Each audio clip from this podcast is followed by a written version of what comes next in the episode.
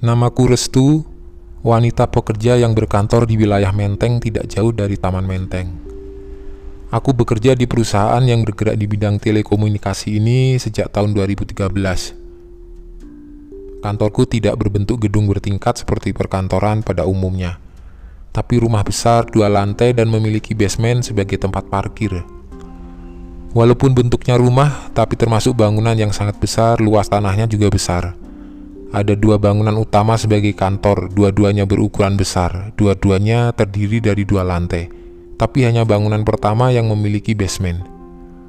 Bangunan pertama sudah berbentuk bangunan modern sudah dipugar, sedangkan bangunan kedua masih berbentuk gedung tua, tapi masih kelihatan kokoh. Dan bangunan kedua ini agak menyeramkan. Ruanganku berada di bangunan pertama. Apabila harus menuju ke bangunan dua, kami harus berjalan kaki melalui basement menyusurinya dari depan sampai ujung belakang, baru kemudian naik tangga menuju ke gedung dua. Cukup jauh jalan yang harus ditempuh dan juga cukup seram. Oh iya, aku paling malas kalau harus mengunjungi ruang akunting. Kenapa? Yang pertama ruang akunting berada di gedung kedua dan paling ujung pula. Untuk ke sana aku harus melewati basement gedung satu, kemudian di gedung dua harus melewati lorong bawah yang di atasnya ada gudang. Lorong ini sudah cukup menakutkan walaupun hari masih siang. Alasan kedua, menuju ruang akunting ini harus melewati banyak ruang kosong seperti gudang yang jarang dibuka pintunya. Agak menakutkan bagiku. Begitulah, waktu awal-awal kerja aku sering kali mendengar cerita dari teman kantor mengenai keangkeran gedung kantor ini bermacam cerita. Ada yang membuatku biasa saja, ada yang sangat menyeramkan juga. Tapi setelah aku coba simpulkan, ternyata ada benang merah di semua cerita dari teman-temanku itu. Ada satu kesamaan dari yang mereka ceritakan. Nyaris semuanya pernah melihat atau minimal merasakan kehadiran sosok perempuan berambut panjang. Namun warna pakaiannya berubah-ubah. Kadang merah, kadang putih, ada juga beberapa teman yang pernah melihat sosok ini sedang mengenakan topi khas perawat di kepalanya. Perawat, ya, perawat. Waktu itu setelah hampir satu tahun bekerja, sama sekali aku belum pernah merasakan hal-hal seram seperti yang dialami oleh beberapa temanku. Apalagi melihat sosok hantu perawat perempuan, belum pernah. Sampai akhirnya, Seiring berjalannya waktu dan load pekerjaanku semakin banyak, aku jadi sering sekali kerja lembur sampai malam, atau malah harus datang pagi-pagi sekali sampai kantor. Iya, akhirnya aku merasakan dan mengalami semuanya. Kejadian seram yang di kantorku, di bilangan menteng. Aku lupa waktu itu hari apa, tapi ingat sekali kalau jam 6 pagi aku sudah sampai di kantor sudah duduk di mejaku di lantai dua gedung satu. Kenapa masih pagi sekali sudah di kantor? Karena aku harus mempersiapkan barang yang akan dibawa kurir untuk diantarkan ke beberapa kantor cabang. Setelah sudah satu tahun bekerja ini menjadi kegiatan rutinku beberapa kali dalam satu minggu. Memang ada security 24 jam yang menjaga kantor, tapi mereka tidak bisa menemaniku di lantai dua karena harus standby di pos jaga gerbang kantor. Maka dari itulah jam 6 pagi itu aku benar-benar sendirian di dalam gedung satu. Office boy, office girl ke mana? Mereka baru akan datang jam 7. Pagi pak, ucapku ke Pak Oji yang sedang bertugas berjaga di pos security depan. Pagi Mbak Restu. Wah, pagi amat nih, tumben. Begitu kata Pak Oji. Setelah melewati pos security, lalu aku melangkahkan kaki menuju pintu, pintu utama. Di dalam tentu saja lobi masih kosong, belum ada siapa-siapa. Setelahnya aku melangkah menuju tangga ke lantai dua. Dalam perjalanan menuju tangga, aku harus melewati lorong panjang yang kanan kirinya ada ruang kerja staf lantai satu. Ruangannya luas berdinding kaca sehingga aku dapat melihat ke dalamnya dengan jelas. Di paling ujung lorong di belakang tempat di mana toilet dan gudang berada. Tapi belum sampai ujung lorong aku sudah harus naik tangga ke lantai dua menuju meja kerjaku.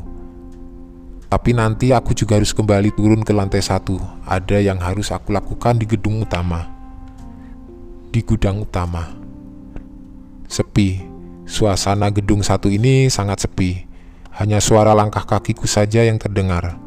Setiap sudut yang lewati hanya dengan dengung kosong, sekat suara benar-benar hanya berisi desi sening. Belum. Aku belum merasakan keanehan apa-apa di kepalaku hanya berputar memikirkan pekerjaan yang harus aku lakukan ketika sudah sampai di meja. Setelah selesai menaiki tangga, aku sampai di lantai dua. Sama, lantai dua juga masih sangat sepi. Hanya beberapa lampu saja yang dibiarkan menyala. Aku tidak ada waktu untuk menyalakan semua lampu, lantas membiarkan saja semua seperti itu. Singkatnya, setelah berada di meja, aku langsung mengerjakan pekerjaan tapi ternyata hanya sekitar 15 menit saja duduk di depan komputer. Setelah itu, aku harus turun lagi ke lantai satu menuju gudang. Lantai dua masih kosong melompong ketika memperhatikan sekitar, lantas aku langsung melangkah keluar ruangan menuju tangga. Lagi-lagi, hanya suara langkah kakiku saja yang kedengaran, tidak ada suara lain. Tapi sebentar, sepertinya aku mendengar sesuatu. Ketika sudah dekat tangga, ternyata aku mendengar suara langkah kaki. Dapat kupastikan kalau itu bukan suara kakiku. Langkah kaki yang sepertinya sedang menuruni tangga menuju lantai satu. Tak, tak, tak, tak. Begitu suaranya. Aku langsung mempercepat langkah coba mengejar sang empunya langkah kaki di depanku itu. Mbak Juni, aku memanggil nama salah satu office girl. Aku pikir bisa saja itu suara sepatu Mbak Juni. Tapi tidak ada jawaban. Lalu aku melangkah menuruni tangga sementara suara langkah kaki di depan masih saja kedengaran. Akhirnya aku sampai juga di ujung tangga di lantai satu. Persis di depan tangga ada lorong panjang, ke kanan menuju gudang dan toilet, ke kiri menuju lobi dan pintu utama. Sempat beberapa detik aku memperhatikan lorong itu ke kanan dan ke kiri, kosong, sama sekali tidak ada siapa-siapa. Suara langkah kaki yang tadi pun sudah tidak kedengaran lagi. Ya sudah, aku lalu melangkah menuju gudang di belakang. Panjang lorong yang harus aku tempuh untuk sampai gudang sekitar 20-25 meter, cukup jauh, tapi mau tidak mau harus menyusurinya walau gelap. Sesampainya di ujung aku berbelok ke kiri, letak di mana gudang berada. Pintu gudang masih tertutup dan terkunci, lalu aku membukanya. Setelah sudah berada di dalam, aku menyalakan lampu, kemudian menuju meja komputer. Aku akan memeriksa ketersediaan barang di komputer itu. Posisi komputer menghadap pintu keluar, di sebelah pintu ada lemari besar yang bagian depannya terbuat dari kaca.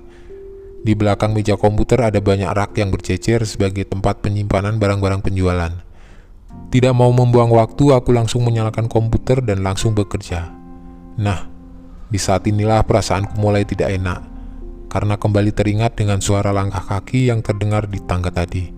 Itu langkah kaki siapa sebenarnya? Selain itu, suasana di dalam gudang besar ini juga sungguh tidak nyaman, dingin, dan kosong. Aku sendirian di dalam ruang besar ini, aku sendirian di dalam gedung besar ini. Sendirian. Benarkah Perasaan semakin tidak enak karena merasa kalau sepertinya aku tidak sendirian.